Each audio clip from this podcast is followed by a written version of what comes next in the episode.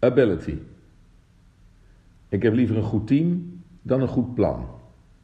Zo vertrouwde een ervaren bestuurder mij toe tijdens een coronaproef, bokbiertje in een naburig café.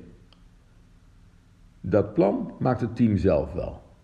Sterker nog, dat maken we elk kwartaal. Niet omdat het moet vanuit control, maar omdat we het zelf willen voor ons verandervermogen. Hij vervolgt: We weten allemaal dat het een illusie is precies te bedenken waar de organisatie over pakweg twee jaar staat. Strategie in de klassieke zin is onzin. De markt, de producten, de achterliggende techniek, de concurrenten, ze zijn tegen die tijd flink veranderd. Nog helemaal los van black swans, zoals corona.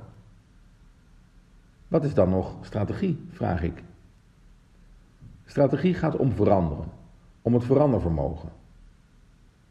Tijdig op al die multidisciplinaire uitdagingen in kunnen spelen. En dat niet alleen, maar samen, intern en extern. Werken aan samenwerken en verandervermogen. Dat is strategie vandaag. Een stip op de horizon, datgene dat goed is voor ons en onze klanten, is zeker goed bruikbaar. Maar het belangrijkste is dat die gemeenschappelijk is, zodat de key players van alle onderdelen elkaar ook beter kunnen vinden in het proces daar naartoe. Executie richting die stip aan de horizon. Het zijn duizend kleine keuzes, elke dag weer. Het vraagt continu aanpassen. Het vermogen te veranderen. Hoe we dat doen bepaalt of we het doel bereiken. Dus, vraag ik, de manier waarop jullie het doel willen bereiken zegt alles over wat jullie bereiken. Ja, zegt hij. En daardoor is datgene dat goed is voor ons en onze klanten, zowel het mantra voor de juiste keuzes, als voor de manier van werken om tot die keuzes te komen. Iedereen die oog heeft voor de continuïteit, neemt samen met elkaar één verantwoordelijkheid. Op die manier komt een aantrekkelijke beweging op gang, waar talenten bij willen horen omdat het leert, in plaats van dat het alleen maar oplevert.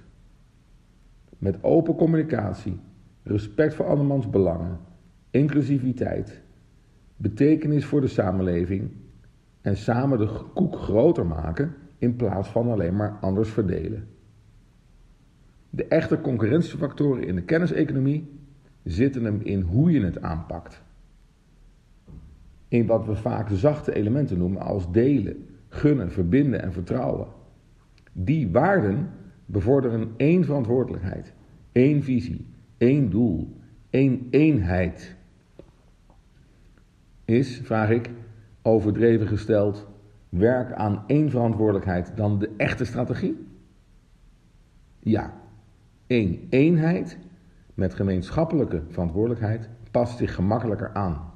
Je kunt daarom beter investeren in de hygiëne van de teams dan in de scherpte van de stip. De manier waarop we het plan maken en realiseren is net zo belangrijk als het plan zelf.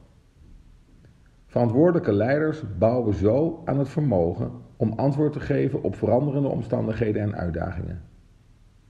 In verantwoordelijkheid zit niet voor niets het woord antwoord. In het Engels nog mooier: responsibility, the ability to respond.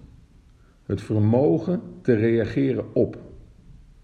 Ability in de drie betekenissen van het woord: vermogen, bekwaamheid en bevoegdheid.